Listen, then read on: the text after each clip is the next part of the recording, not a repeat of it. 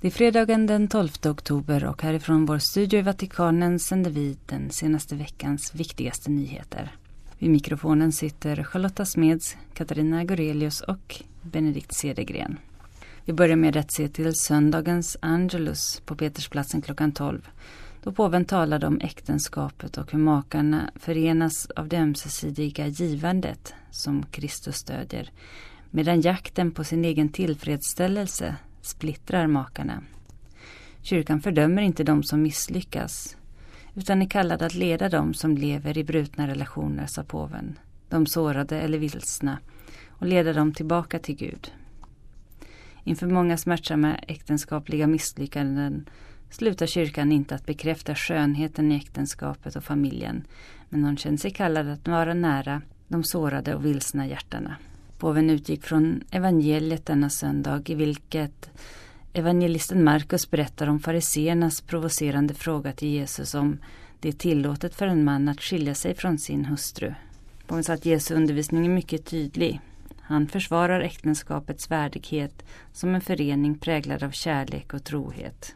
Det som gör det möjligt för gifta par att förbli förenade i äktenskapet är en kärlek präglad av ett ömsesidigt självgivande med hjälp av Kristi nåd.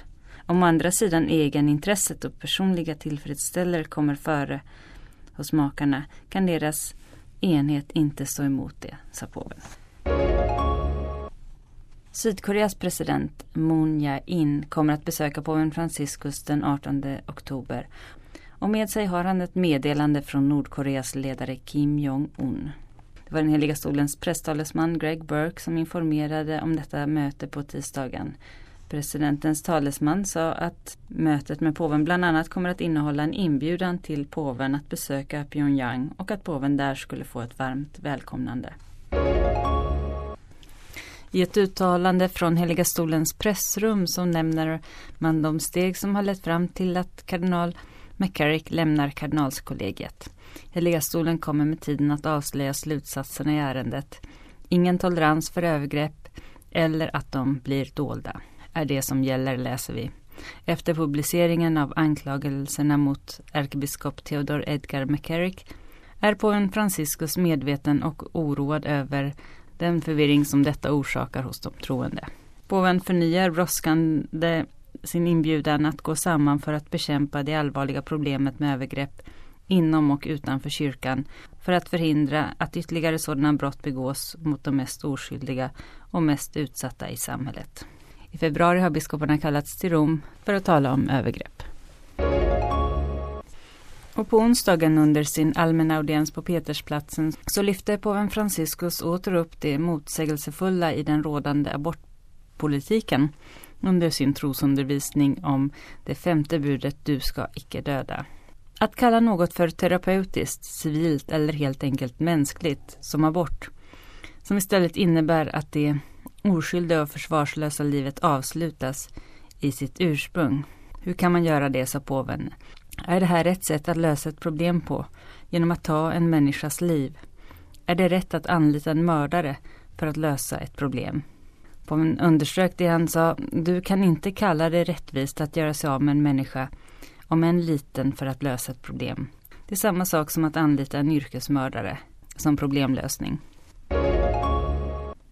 Varje dag kommer det rapporter ifrån den pågående biskopssynoden i Vatikanen om ungdomar, tron och kallelseurskiljning. Efter den första fasen då man lyssnade till de 257 synodsfädernas korta anföranden så har man nu kommit till den andra delen i Instrumentum Laboris som har titeln Förstå de ungas verklighet. För att svara på frågorna hur ska man närma sig och vägleda de unga? Hur ska kyrkan forma vuxna för det här uppdraget? 36 är de unga som deltar som åhörare under synoden och en av dem talade till synodsfäderna om vikten av att en präst ger andlig vägledning. Detta måste ha ett stort utrymme komma fram till, liksom tillfälle till bikt och eukaristisk tillbedjan. Så att när kyrkan organiserar ungdomsmöten så ska det inte bara handla om att unga ska mötas och ha roligt tillsammans. Lika viktigt som en biktfader är en präst som ger andlig vägledning. En annan fråga som belystes är att de unga behöver uppgifter. Kyrkan ska hjälpa unga att engagera sig aktivt i det sociala och politiska livet. Man talade om att deras uppdrag är inte bara i kyrkan utan även utanför kyrkan, i samhället. Och viljan att visa de unga att politik är en form av karitativ verksamhet. Att politik är att engagera sig för det gemensamma bästa. De unga sa man är benägna att förstå och omfamna detta. Synodsfäderna tog även upp det faktum att många unga kristna lever i länder där den katolska tron är en minoritet och att de ofta diskrimineras på religiösa grunder. Man varnade också för den postmoderna totalitarismen, en subtil totalitarism som är mindre våldsam än förra seklets, men som idag dödar inte kroppar utan själar. En totalitarism som de unga måste befrias från. En koloniserande totalitarism i förklädnad som fängslar dig genom att låtsas att du befrias. Man tog här upp exemplet som abort som beskrivs som en fri rättighet. Man talade även om att unga är medvetna om vår tids falska löften. Att konsumismen inte alltid är något som ger dig mer, utan att mindre kan vara mer. Man talade om att det måste finnas trygga platser för de unga för att skydda dem mot krig, trafficking, virtuell mobbing, isolering och missbruk. En annan aspekt som blev tydlig är att unga har behov av vuxna förebilder. Att se sina föräldrar och präster be till exempel. Vikten av den enskilda bönen och den gemensamma i hemmet och i församlingen var en av punkterna synodsfäderna berörde. De unga återupptäcker även bönen genom vallfärder, vandringar, vakor och bönemöten. Frågan som de unga idag ställer sig är hur ska jag få ut det mesta av livet? Ofta ställer de den frågan till fel personer och därför går de vilse. Det rätta svaret, sa man, är genom urskiljningen erbjuda dem att tömma sitt hjärta på sig själv för att göra plats för något större. Att lära dem att tjäna och ge av sig själva, offra sig. För bara genom ett kärleksfullt givande så finner man glädjen att leva och man finner Jesus. Och I sin Sankta Marta på torsdagen så talade påven om att vi måste vara modiga när vi ber Herren om något. Som alltid utgick påven från orden i dagens evangelium som denna morgon var tagen ur Lukas evangeliets elfte kapitel där Jesus säger Be så ska du få, sök så ska ni finna, bulta så ska dörren öppnas. Påven sa Var järv när du ber, för när vi ber är vi i behov och Gud är en vän. Han är en rik vän som har bröd. Han har det vi behöver. Jesus uppmanar till att inte tröttna på att be, att vara ihärdiga. Den som ber, han får. Men det räcker inte med att be två Fader vår och sen ge upp. Bön är ett arbete, sa han, ett arbete som kräver vilja, konstans och beslutsamhet utan att skämmas. Han uppmanade till en konstant påträngande bön. Att bråka med Herren, att kärleksfullt kräva av Herren, att vädja till honom ur djupet av hjärtat. Avslutningsvis sa påven, tänk efter lite grann på vilket sätt ni ber. Hur ber jag? Låter jag som en papegoja? Eller ber jag verkligen med mitt hjärtas behov? Bråkar jag med Gud i min bön för att han i sin godhet ska ge mig det som är rätt? Vi lär oss från denna stycke i evangeliet om hur vi ska be, sa påven. Påven Franciscus tog emot omkring 1300 pilgrimer från Slovakiens grekisk-ortodoxa kyrka i Paulus den sjättes audienshall på lördagsförmiddagen och detta med anledning av 200-årsfirandet av Presovs eparki. I sitt tal till sina gäster underströk påven att Slovakiens katoliker av den ortodoxa riten och de av den latinska lever sida vid sida sedan sekler tillbaka och att den grekisk-katolska kyrkan i landet kan ses som ett uttryck för skönheten i mångfalden av kyrkligt liv. Påven uppmuntrade biskoparna att följa martyrernas exempel och alltid förbli herdar enligt Guds hjärta och följa Kristi spår. Kristus som inte kom för att bli tjänad utan för att tjäna. Sen underströk påven att såväl Öst som Västeuropa behöver återupptäcka sina rötter och sin kallelse. Från de kristna rötterna kan det inte annat än växa stadiga träd som bär frukt av full respekt för människans värdighet i alla sina livsfaser, sa påven. Påven uppmuntrade också sina katolsk-ortodoxa gäster att vårda sin bysantiska tradition som även han själv redan som ung lärde känna och älska. Påven avslutade Må Guds heliga moder med sin förbön försvara kyrkan i denna prövningens tid och vaka över de ungas synod som vi nyligen har inlett. Ett ungdomsmöte hölls i Paulus VIs audienshall på lördagskvällen med temat Unika, solidariska och kreativa. Påven sa att detta möte var en viktig etapp i synoden om unga och att synodsfäderna kommer att ta upp frågorna som kom upp under det. Påven sa att han slogs av de ungas personliga berättelser som genomsyras av passion, smärta, önskan, ambition, misslyckanden men även viljan att komma igen för att på ett positivt sätt möta livets utmaningar och mål. Med rätta ber de unga kyrkan att bättre förstå den värld de lever i. Deras vittnesbörd handlar om hur vi styrs av pengar, makt och nöjen, sa påven, och att det som rör honom mest är att de vet att Jesus inte lämnar dem och särskilt inte när de prövas hårt. Ni är inte bara kyrkans framtid utan även dess nutid och vi vill inte uppskjuta ert deltagande till framtiden och ber vänta på er tur, sa påven och talade om att de unga är synodens huvudrollsinnehavare och att kyrkan går ut tillsammans med de nya generationerna. Påven sa att man kan ge bra svar just när ungdomarnas frågor är så bra och uppmuntrade avslutningsvis de unga att fortsätta att vara sökande och sa att han och synodsfäderna litar på dem. Påven Franciscus inbjuder oss att denna oktober månad be för kyrkan. Pray for the Church, en kampanj för bön till jungfru Maria och ärkeängeln Mikael för kyrkans beskydd och mot den onde som vill dela upp den kristna gemenskapen. Detta är påven Franciscus bönintention för oktober månad. Be rosenkransen varje dag under oktober månad och avsluta den med antifonen Under ditt beskydd och be för att den heliga ärkeängeln Mikael skjuter bort den ondes attacker som vill dela upp kyrkan. Den onde, säger påven i videobudskapet, är maktfull och han har med sig presenter men du vet inte vad de innehåller.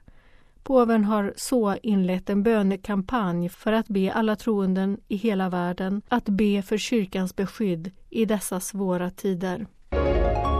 Påven Franciscus talade vidare om budorden under den allmänna audiensens katekesundervisning och i onsdags om det femte budet, du ska inte dräpa. Här följer en sammanfattning av påvens ord. Kära bröder och systrar. Under vår pågående katekes om de tio budorden talar vi nu om förbudet mot att döda. Vi skulle kunna säga det som så att allt ont kommer ur förakt för livet. Övergrepp på livet förekommer i många situationer, från krig och exploatering till undertryckande av de utsatta äldre och ofödda. I slutändan är det rädsla som är upphovet till att förkasta livet. Men att vara välkomnande är att utmana en sån rädsla.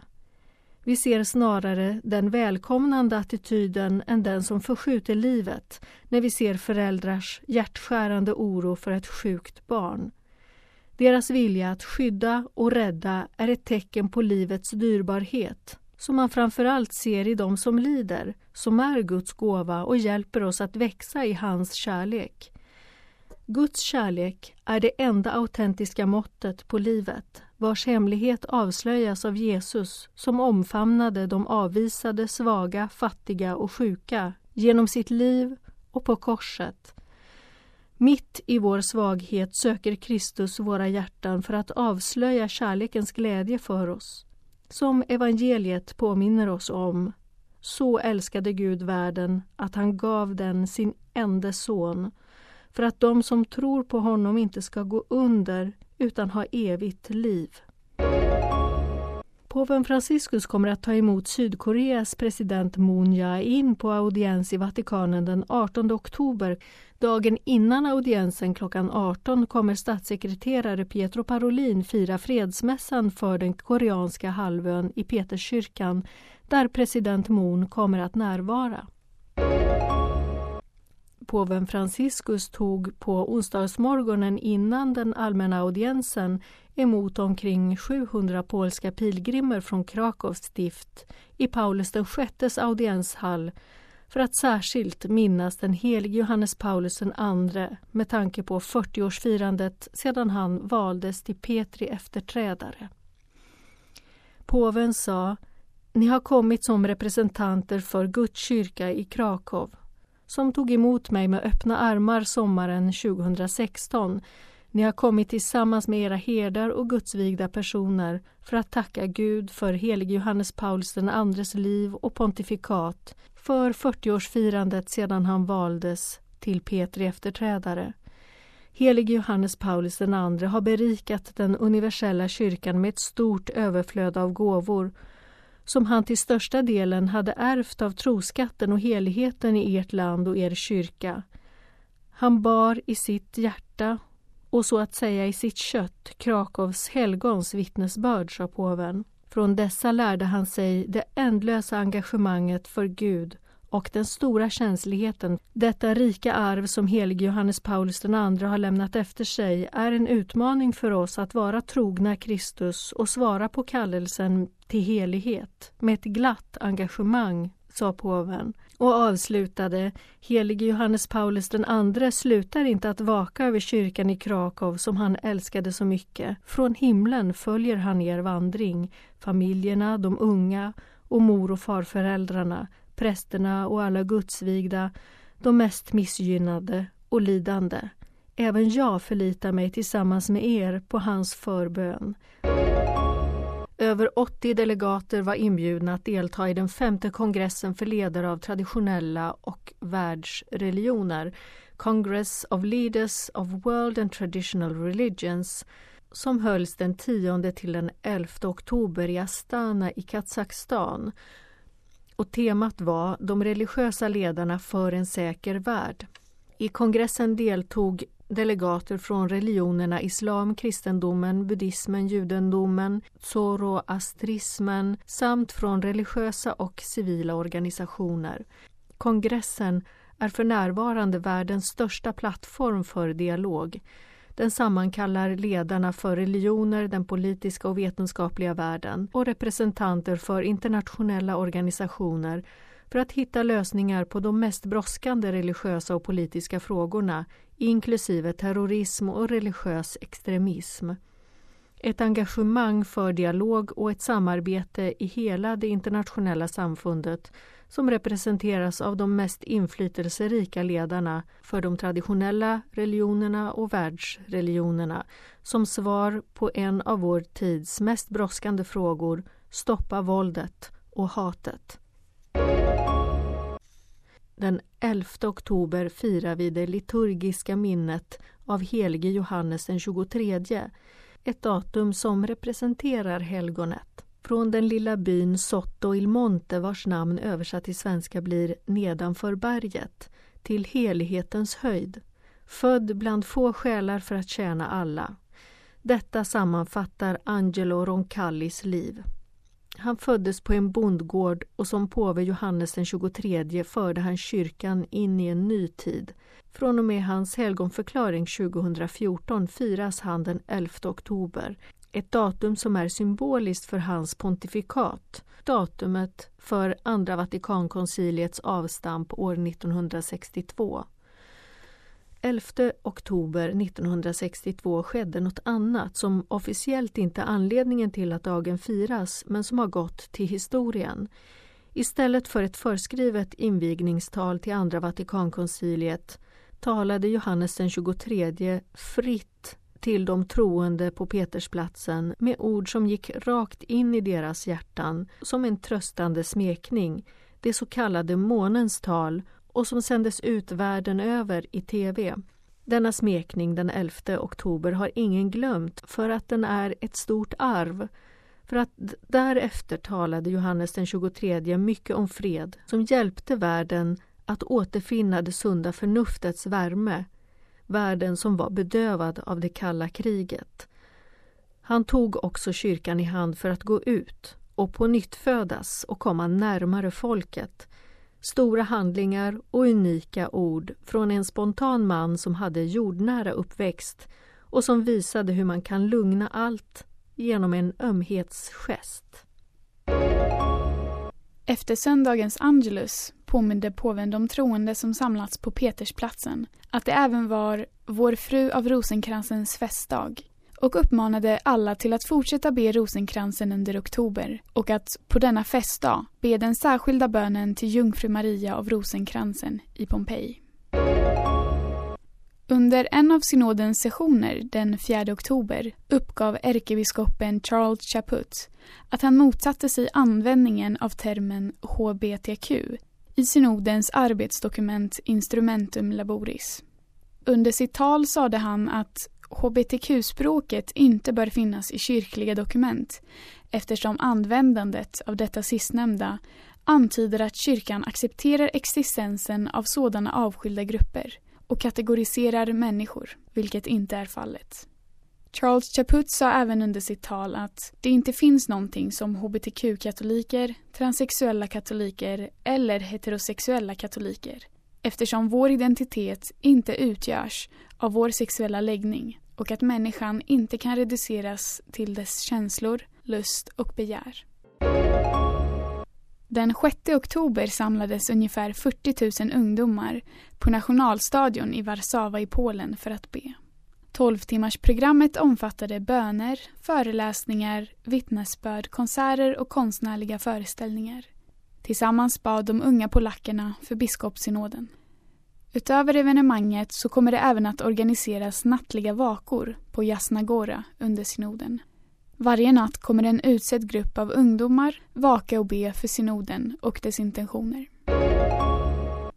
På söndag den 14 oktober 2018 kommer sju personer att helgonförklaras av kyrkan. Påven Paulus VI, som var påve mellan 1963 till 1978 och vars namn vi förknippar med den omdiskuterade encyklikan Humanae Vitae, som förbjuder varje form av preventivmedel.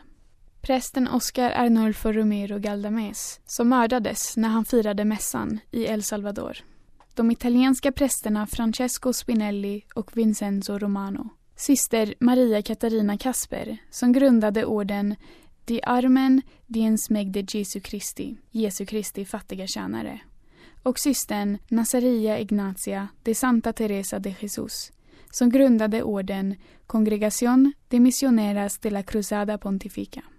Den sista personen som helgonförklaras är Nuncio Sulprizio som dog när han endast var 19 år gammal efter en lång tids sjukdom.